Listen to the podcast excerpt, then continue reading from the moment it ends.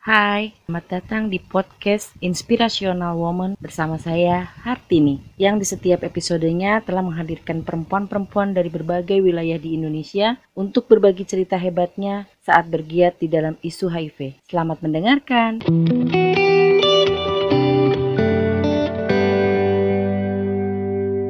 Oke, terima kasih. Selamat sore Kak Yuli. Apa kabar? Ya, selamat sore Kak Hartini. Kabar baik. Sedang musim apa sekarang di Ambon? Ambon tuh lagi musim hujan, berarti nih. Oh sama ya, tapi kabarnya semoga baik dan sehat selalu ya. Iya, amin, amin.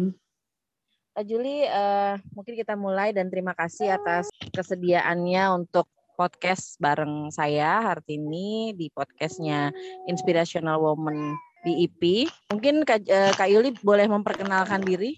Oh iya, nama saya Juliana, Juliana Chan. Asal saya dari Ambon, umur saya 46 tahun. Uh, Mbak Yuli, kapan mulai aktif di isu HIV, di mana dan bagaimana? Bercerita santai aja oh. karena kita hanya sharing-sharing. Silakan. Oh ya. Uh, saya ketahuan status saya itu pada tahun 2014 masuk 2015. Dan kemudian uh, di rumah sakit tempat saya ingin uh, dirawat itu baru ketahuan status saya. Dan di situ saya terpuruk saya berpikir ya sudah tidak ada lagi yang bisa saya harapkan selain kematian di depannya. Namun pada tahun 2015 saya sudah terapi obat, saya sudah masuk dengan ARV, saya dipertemukan dengan teman-teman saya yang juga sebaya dengan saya, teman-teman penyintas. Di situ saya punya semangat itu timbul lagi.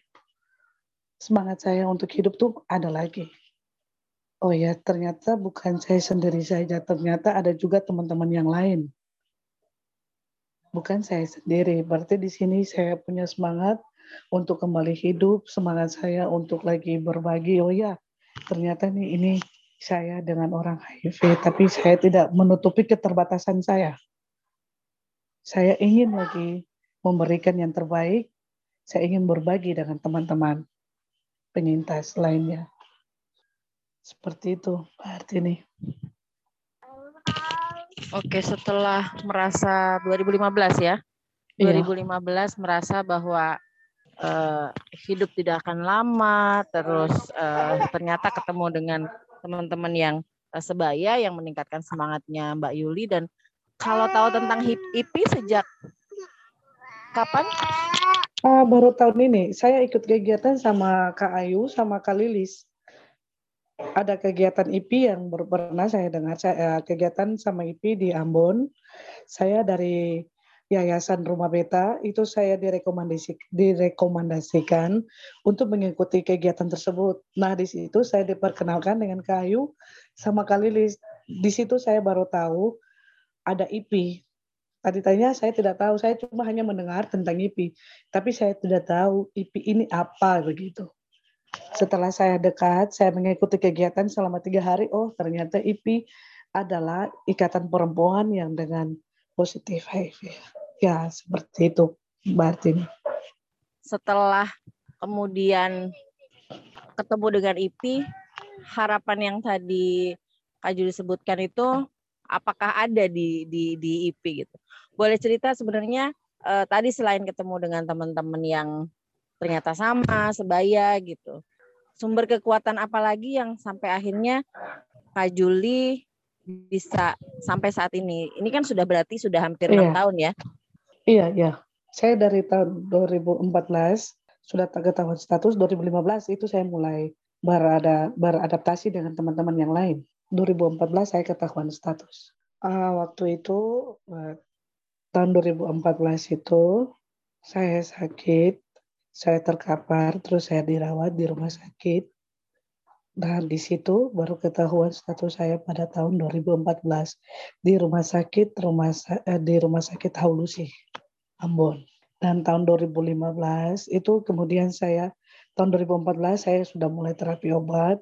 tapi saya belum diperkenalkan dengan teman-teman sebaya saya. Namun tahun 2015 itu ada ajakan dari teman saya untuk bergabung di rumah beta yang ternyata di rumah beta itu semuanya adalah dengan Oda semua. Nah, di situ mulai bangkit semangat saya. Oh ya, ternyata saya tidak sendirian. Yang mempunyai, yang bikin saya lebih semangat lagi, yang bikin saya kuat lagi itu dorongan dari orang tua, dari mama saya, dan anak-anak saya terlebih. Karena anak-anak saya adalah penyemangat saya. Saat ini masih bergabung di rumah beta, Mbak Juli, Mbak Yuli? Iya, iya, iya. Apa kegiatan saat ini di rumah beta? Kalau di rumah beta itu kita sebagai pendampingan, terus kita ada memberdayakan karena kita dibantu dengan uh, kementerian sama dinas sosial, KPA itu kan ada mitra kerja kita gitu. Kita tidak digaji, tapi kita kerja dengan hati ya Mbak. Seperti itu. Jadi di mana kita kerja ya di situ sudah kita menyalurkan ya inilah kita sebagai perempuan-perempuan yang positif kita berbagi dengan teman-teman yang lainnya. Berapa banyak teman-teman yang ada di rumah beta kalau boleh tahu? Kalau di rumah beta tuh sudah 300-an lebih. 300-an? Iya. Dan angka perempuannya cukup banyak kah? Ada juga ya perempuan banyak, ada laki-laki juga, ada suami istri, ada anak juga. Anak-anak oh, dengan positif juga Jadi tiga, ada. Jadi ketemu atau tahu terkait IP itu dari uh, kedatangan teman-teman IP ke Ambon gitu ya. Nah saat ini kan iya. berarti Kak Yuli sudah bergabung dengan uh, eh, IP bahkan kemarin ikut rakernas iya. gitu ya, ikut rakernas gitu. Iya uh, iya betul. Apa yang ada di pikiran Kak Yuli saat ini terkait IP? Apakah memang tempat yang seperti apa atau merasa apa gitu sekarang Kak Yuli berada di IP? Oh, saya merasa senang, saya merasa bangga. Saya kenal dengan wanita-wanita yang hebat bagi saya. Di situ mungkin saya bisa mengembangkan lagi. Di sini saya bisa belajar lebih banyak lagi. Apa yang saya tidak tahu, saya jadi tahu ternyata oh ya IP-nya seperti ini ya. Dari Sabang sampai Merauke banyak perempuan-perempuan juga yang banyak dengan inspirasi mereka masing-masing dan di sini saya belajar, saya ingin berkembang gitu. Saya ingin dengan apa yang saya punya, saya ingin lebih lagi. Saya ingin uh, banyak tahu, banyak pengalaman yang saya punya juga. Saya ingin berbagi gitu. Bukan dengan sesama saja, tapi di mana pun ya saya ingin belajar banyak. Dengan IP pun saya lebih banyak. Oh ya, tapi saya dengan IP saya kemarin saya ngomong ke Bayu, Bayu aku belum tahu banyak. Aku belum bisa apa-apa. Nggak apa-apa kalau aku nggak bisa ngomong dulu aku dengar dulu. Ya nggak apa-apa. Ya di situ. Kayu bilang jangan ini. Kita semua dan tidak tahu kita menjadi tahu. Oh ya nah di situ saya punya keinginan saya punya ini oh ya saya ingin lagi seperti teman-teman yang lain seperti Mbak Hartini seperti Mbak Debi yang kemarin semangat sekali itu loh saya lihat mm -hmm. ya seperti Lanjut. itu juga seperti teman-teman yang lain Oke, sekarang jadi telah mengenal IP mendapatkan tempat yang memang isunya adalah spesifik perempuan ya. Hayuli, tadi kan aku dengar 2014 dengan kondisi yang kaget, bingung, mau ngapain, kenapa iya. saya harus HIV gitu ya. Tadi kan akhirnya ketemu dengan teman-teman sebaya. Udah, Tapi sebelum iya. ketemu dengan teman-teman sebaya, ada nggak yang yang menurut Mbak Yuli bahwa itu adalah sumber kekuatannya Mbak Yuli sampai akhirnya ini gitu sampai akhirnya sekarang ya sampai akhirnya ketemu dengan teman-teman sebaya. Hmm, iya, uh, kalau yang jadi itu tuh bagi saya tuh penyemangat saya tuh di anak-anak. Karena anak-anak saya mereka tuh ngomong mama mama harus kuat. Jangan sampai jatuh dan terpuruk. Mama tuh harus bisa karena anak-anak saya masih membutuhkan saya. Jadi di situlah saya punya semangat. Saya di ini untuk uh, lebih bersemangat lagi untuk hidup. Saya punya punya apa motivasi lagi. Saya punya ini lagi. Oh ya ternyata saya tidak harus jatuh sampai terpuruk, tapi saya harus bangkit demi anak-anak saya, orang tua saya. Saya bisa menyuarakan, oh ya walaupun saya dengan HIV positif, tapi inilah saya saya ingin lebih giat lagi, saya ingin mampu lagi dan saya ingin supaya orang tuh kenal saya walaupun dengan HIV. Tapi inilah saya. Seperti itu, Mbak. Kalau boleh tahu, hmm, berapa anak Kak Yuli? Karena saya kan udah pisah sama suami saya. Berpisah Nah, meninggal jadi atau berpisah? berpisah itu. Maaf Iya, Mbak Yuli, mungkin ini sedikit tadi seperti terbata-bata iya, bicara soal anak bahwa Mbak Juli harus ada karena anak-anak gitu. Dan apa yang akhirnya menjadi harapan hmm, Kak Juli untuk anak-anak? Oh ya, harapan saya walaupun anak-anak saya tahu, walaupun mamanya dengan HIV positif, tapi saya punya keinginan besar.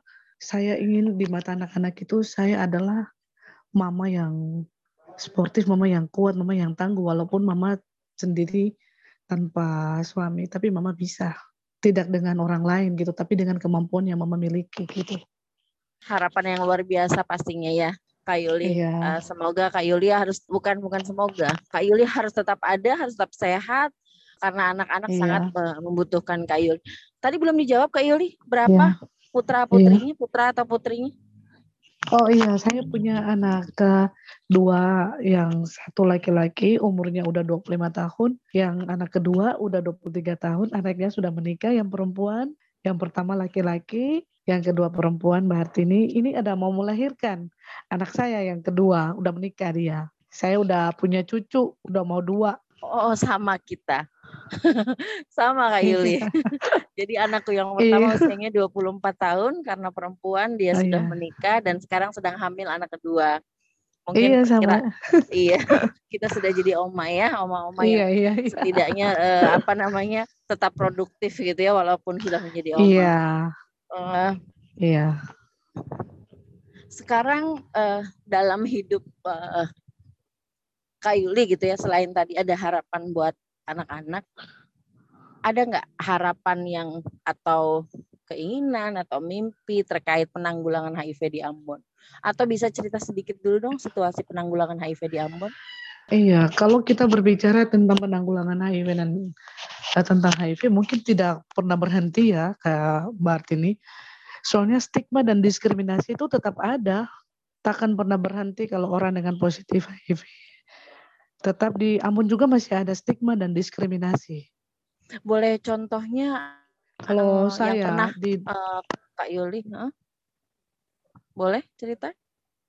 ah, kalau di daerah, kalau di lingkungan saya ya Kak Mbak Artini, saya cukup berterima kasih karena di lingkungan saya itu walaupun mereka tahu dengan kondisi saya, dengan mungkin ada banyak orang yang pikir ah HIV itu penyakit yang me- sangat apa ya menya- kayak seperti penyakit yang orang bilang aib gitu ya, penyakit yang sangat eh, menjijikkan. Tapi di lingkungan saya Mbak Hartini, terutama keluarga saya juga, itu mereka mendorong saya dengan semangat, dengan anak-anak saya itu sama. Yang lebih motivasi saya itu anak-anak dengan keluarga saya, karena mereka nggak pernah lepas dari pandangan dari saya, karena mereka kasih semangat saya terus, terus lingkungan saya nggak ada yang mendiskriminasi saya ataupun stigma nggak ada. Tapi di tempat-tempat lain, di teman-teman saya yang lain, Mbak Artini, itu ada yang saya kan orang Protestan ya, Mbak Artini. Teman saya yang lain itu nggak diizinkan untuk mengikuti ibadah. Udah 15 tahunan nggak ada, dia nggak bisa ke gereja. Ada juga teman-teman saya yang lain di gereja sampai akhirnya dia pindah aliran lagi, dia dari Protestan dia ke itu kayak aliran kepercayaan ya, Mbak Artini seperti GBI gitu. Dia pindah ke gereja rock. Terus masih ada lagi di lingkungan-lingkungan teman-teman saya ada yang masih menutupi statusnya, jangan sampai uh, orang tuanya tahu, keluarganya tahu. Seperti itu Mbak Artini masih ada lagi seperti itu. Sampai se maaf kalau dibilang parah karena ini berkaitan sama suatu kepercayaan ya, maksudnya suatu agama gitu. Iya iya Jadi iya. eh, sampai akhirnya ada yang berpindah kepercayaan karena status HIV-nya. Untuk Iya, seba- iya. untuk uh, pemerintah di kota tersebut ada langkah apa terkait kondisi yang tadi Kak Yuli ceritakan? Iya kalau kalau mau lihat seperti itu, kalau cuma yang yang sering apa nih ya, yang sering adakan kegiatan bersama kita tuh cuman lewat KPA, lewat dinas sosial, lewat uh, kementerian balayan di Ternate. Nah, itu yang ada kerjasama dengan kita. Tapi pemerintah, pemerintah dengan dinas sosial ya itu seperti itu aja, nggak terlalu seperti. Oke, maksudnya langkah yang dilakukannya terkait itu apa? Kegiatan yang dilakukan oleh KPA, oleh tadi balai dari dinsos itu gitu, untuk menyikapi eh, apa namanya? Ya, itu kita sering sosialisasi kah? Kita sering sosialisasi, iya, kita sering sosialisasi. Terus kita, saya juga sering di ini untuk jadi narasumber. Oh iya dia bisa seperti itu kan sini. Jadi dengan apa yang kita miliki, apa yang kemampuan yang saya punya, apa yang saya udah belajar banyak, maksudnya dengan pengalaman saya ya, berarti ini saya bisa berbagi. Oh iya dengan ini. Jadi teman-teman nggak boleh kayak gini ya, harus kuat, harus gitu itu saya seperti itu kasih sportif juga buat teman-teman lewat pendampingan ya Mbak Artini. Uh, tapi itu. kalau terkait tadi yang kalau itu berkaitan dengan agama, apakah ada pernah uh, pendekatan secara intensif gitu ya sama tok tokoh agama, toma gitu ya, tok tokoh masyarakat, toga toma lah gitu. Pernah nggak ada uh, kegiatan seperti udah. itu? Ah, udah Martini baru kemarin uh, beberapa bulan yang lalu kita di Ambon sini kita mengadakan pertemuan dengan pendeta-pendeta sekresis Pulau Ambon. Nah, di situ saya menyuarakan ya tentang isi hati saya terkait dengan apa yang teman-teman saya alami hmm. yang masih ada stigma dan diskriminasi. Ya di situ mereka mulai buka pandangan ya Mbak Hartini dari yang mereka saya mengerti mereka jadi mengerti oh ya ternyata seperti ini. Nah, seperti itu Mbak Hartini. Jadi apa yang mereka kira oh ya ternyata orang HIV seperti ini ya mereka tidak kurus sampai apa yang seperti orang bilang gitu ya Mbak Artini ya. Pikiran mereka tuh orang HIV itu kurus, kurus kering, kering mati penyakitan. sudah iya seperti itu tapi Dan, setelah saya buka status saya saya bilang di situ ini saya dengan orang positif HIV mereka nggak percaya betul iya kalau ibu bapak nggak percaya ya mungkin kondisi tubuh saya lebih besar dari bapak ibu ya. Nah itu karena saya terapi obat. karena saya kuat dengan saya betul, punya betul, obat. Betul. Ya seperti itu. Hmm. Jadi saya mulai okay. ada semangat lagi. Dan mudah-mudahan Iya siap. Mudah-mudahan dengan apa yang dilakukan Kak Yuli uh, ini bisa ada perubahan ya buat iya. kondisi saat ini. Tapi kalau terkait pelayanan sendiri, pengambilan air, pelayanan CD4, viral load itu di Ambon mudah atau seperti apa? Ah ya, untuk ya kemarin kita periksa viral load aja, ya gratis. Itu dimudahkan. Tapi Mbak Hartini ada juga yang kalau dari apa kita kan di Ambon sini ya dari macam kabupaten gitu ya Mbak Hartini. Dari kabupaten yang lain dari pulau-pulau terkecil gitu ya Mbak Artini kalau mereka itu uh, itu mereka dengan masih ini dengan apa nih penyaluran obat gitu Mbak Artini. Susah mereka harus datang sendiri. Ada yang teman-teman saya kirim. Oh gitu. Jadi uh, mereka harus tetap ngambil obat tidak ada pengecualian. Uh, iya. harus sendiri gitu ya tidak boleh pendamping. Kalau memang dia kondisinya jika dia kondisinya sakit gimana? Iya itu kita dia ada yang lewat pendamping, ada uh, teman-teman pendampingan juga yang lain, mereka mengirimnya. Karena masih rasa kayak gitu, berarti nih. Uh, ada yang dari Pulau Seram, dia mau melahirkan, itu dia itu kayak dia juga didiskriminasi gitu Martin, kayak dia nggak bisa di layanan itu, dia langsung dikirim ke Ambon. Tidak tidak biar tidak boleh melahirkan di Seram. Walaupun sebenarnya ada operasi sesar di sana. Iya, tapi iya kayak mereka kayak kayak kita nih dengan orang HIV itu kayak masih di nomor dua kan gitu. Di nomor dua kan, oke. Okay. Uh, eh, iya. Tapi kalau terkait uh, informasi atau terkait kayak uh, apa informasi masuk PPIA, terus uh, kayak kemarin kita ngomongin tentang GBV itu kan tiga yeah. tiga poin besar rakernasnya IP ya ada pemberdayaan yeah. itu di kota yeah. Ambon sendiri uh, bagaimana berjalannya PPIA saja dulu kalau saya boleh tahu Iya, kita ini ini makanya aku kan baru pernah terjun ke IP, makanya aku baru tahu. Oh, ternyata seperti ini ya. Setelah gabung saya baru tahu ada ada uh, eh, GBF itu. Oh, ternyata seperti ini ada opsi, ada GPBL, udah seperti ya kan saya kan nggak tahu ya Mbak ini kalau nggak saya masuk dengan IP, saya nggak mengerti sama sekali tentang itu semua. Oh ternyata ada seperti ya, saya nggak tahu. Oh ternyata ada Jeep juga, gitu. Setelah kemarin Rakernas baru saya mengerti, oh ternyata ada yang begini ya. Kalau tes Viralut dan CD4 itu juga harus ke kota Ambon. Iya, kita di kota Ambon, di rumah sakit Haulisi. Oke, di Maluku itu ada berapa kabupaten kota? Uh, di Maluku itu ada berapa kabupaten itu saya udah lupa lagi. Okay. Udah banyak minum, apa. udah minum usah udah banyak kalau... ya. Oke, okay, tapi saya. mungkin karena dia ini ya pakai uh, uh, kayak kepulauan gitu ya, uh, Kak Yuli. Iya, Karena betul, kan betul. Iya mungkin teman-teman yang mendengarkan podcast kita nanti hmm. bahwa Ambon adalah provinsi baru di tahun 2021 menjadi bagian dari uh, IP gitu ya. Senang sekali yeah. sebenarnya. Sebenarnya dari tahun 2016 itu sudah ada yang bilang bahwa di Maluku hmm. harus ada IP gitu. Iya, saya Hanya senang. kita belum Iya. Saya senang sekali waktu uh, Kak Ayu ngomong ke saya, Juli, iya. saya mau kamu. Saya langsung dengan semangat saya sendiri, saya enggak ini kayu aku mau banget, pingin banget. Dan saya pingin banyak lebih tahu lagi tentang IP. Saya pingin sekali, begitu. Oh ya udah, kamu nih kayaknya bersemangat sekali ya. Iya. dan akhirnya bisa bisa ketemu dengan IP ya. Mudah-mudahan iya. ke depannya uh, Maluku juga bagian dari yang mendapatkan informasi lah yang mudah-mudahan bisa bisa sampai apalagi sekarang kan iya. bisa bisa dengan online ya, tidak harus yeah. datang. Karena kan kalau datang ke sana cukup biaya yang cukup mahal. Itu lagi.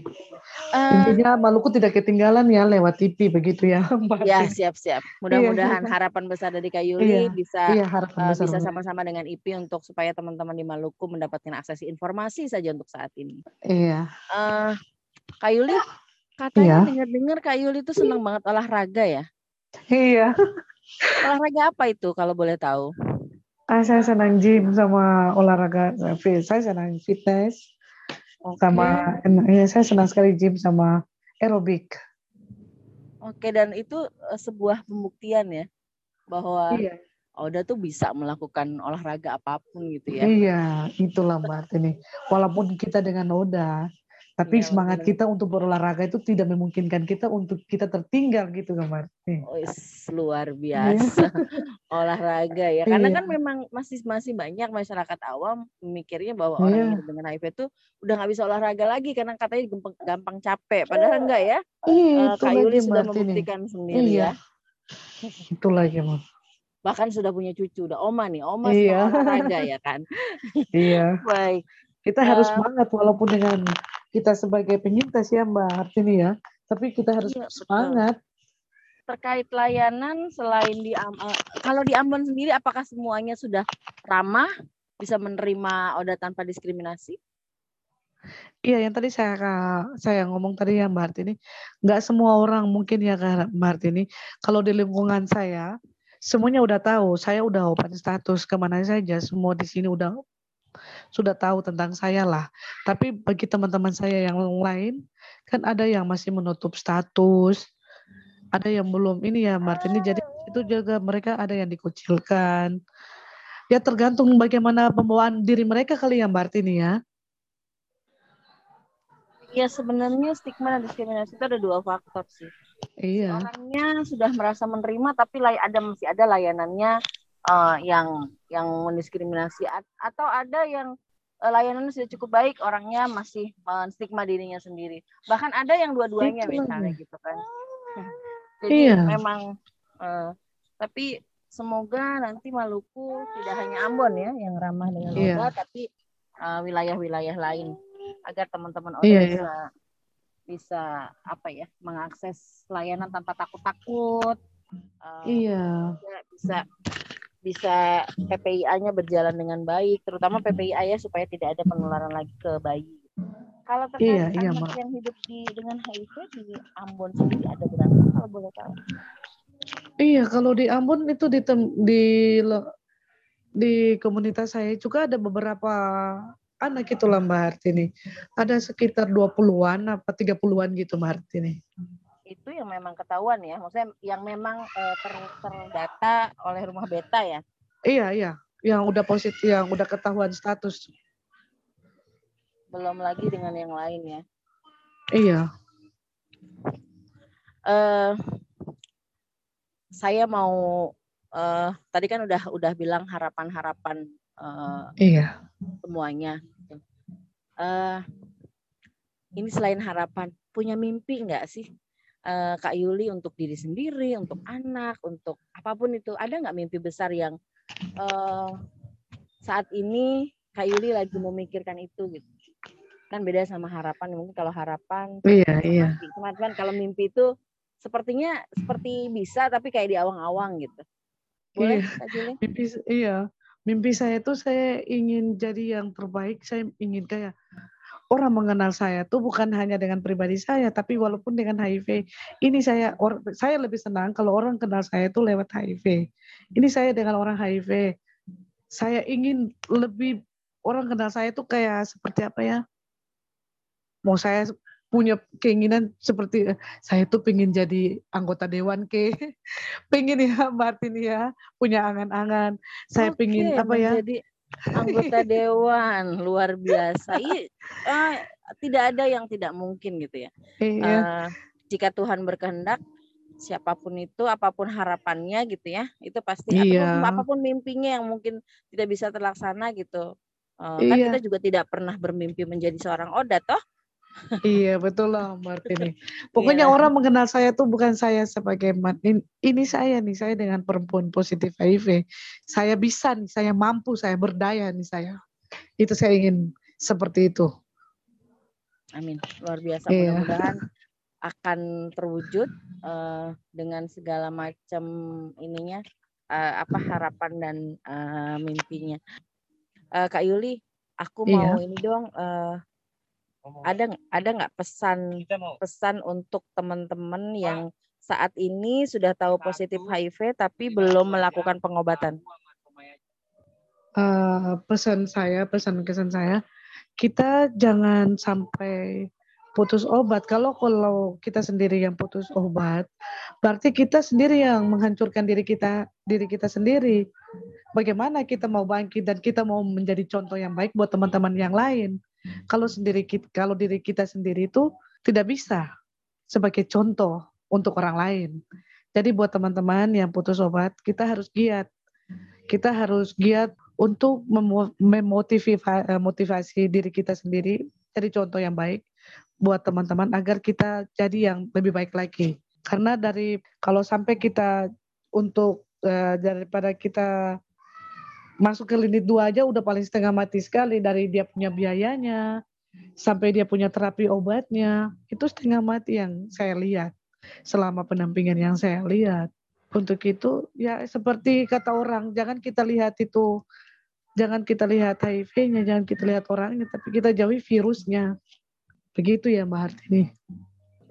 Apa pesan uh, Kak Yuli untuk uh, teman-teman yang sudah melakukan pengobatan tapi akhirnya memut memilih memutuskan tidak minum obat lagi. Iya pesan saya ya kalau kita sudah kuat, kita sudah merasa diri kita kuat, jangan sampai kita putus obat. Karena itulah kalau sampai kita putus obat, itu istilahnya jangan coba-coba. Kalau sampai kita coba untuk memutus untuk tidak minum obat lagi, berarti kematian yang kita akan jumpai. Jadi saya menganjurkan lebih baik kita patuh dengan HRV yang kita minum tiap hari ini. Itu sudah merupakan vitamin yang terkuat bagi diri kita sendiri. Agar kita mampu, agar kita tuh bisa bangkit lagi, supaya kita bisa menunjukkan buat orang lain. Kalau kita tuh punya semangat itu nggak bisa. Ini kita harus harus tunjukkan buat orang lain seperti itu. Baik, Kak Yuli, ini adalah pertanyaan penutup terakhir gitu. Uh, apa yang mau Kak Yuli sampaikan untuk seluruh sebentar sebentar.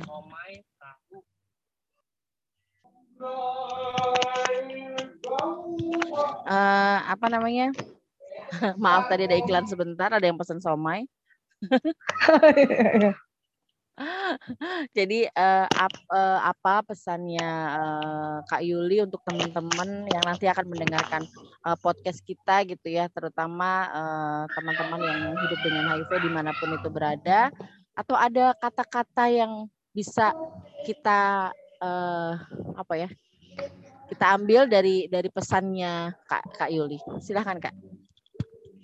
Hmm, pesan saya buat teman-teman walaupun kita perempuan dengan HIV, kita jangan sampai kita jangan sampai uh, malu dengan diri kita sendiri. Tapi dengan adanya obat yang kita minum yang kita bilang dengan HIV itu merupakan acuan kita supaya kita tuh bisa bangkit kembali.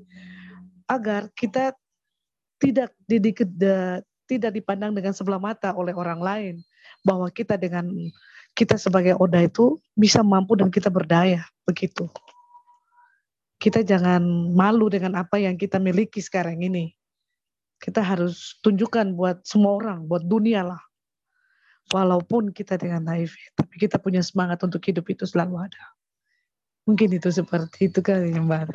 Baik, terima kasih uh, Kak Yuli atas waktu hari ini telah bersedia hadir uh, dengan saya untuk uh, apa uh, podcast inspirational woman kali ini dan semoga yeah. Pak Yuli sehat selalu, bahagia selalu. Iya, makasih. Uh, iya. Dan semua harapan dan impian akan terwujud. Terima kasih Kak Yuli. Iya, makasih. Selamat sore. Iya, makasih Mbak. Iya, selamat sore. Ini bicara saya tadi tuh agak ini suara saya lagi. Terima kasih sudah mendengarkan Inspirational Woman episode kali ini. Nantikan cerita hebat dari perempuan-perempuan hebat lainnya ya di episode berikutnya. Sampai jumpa.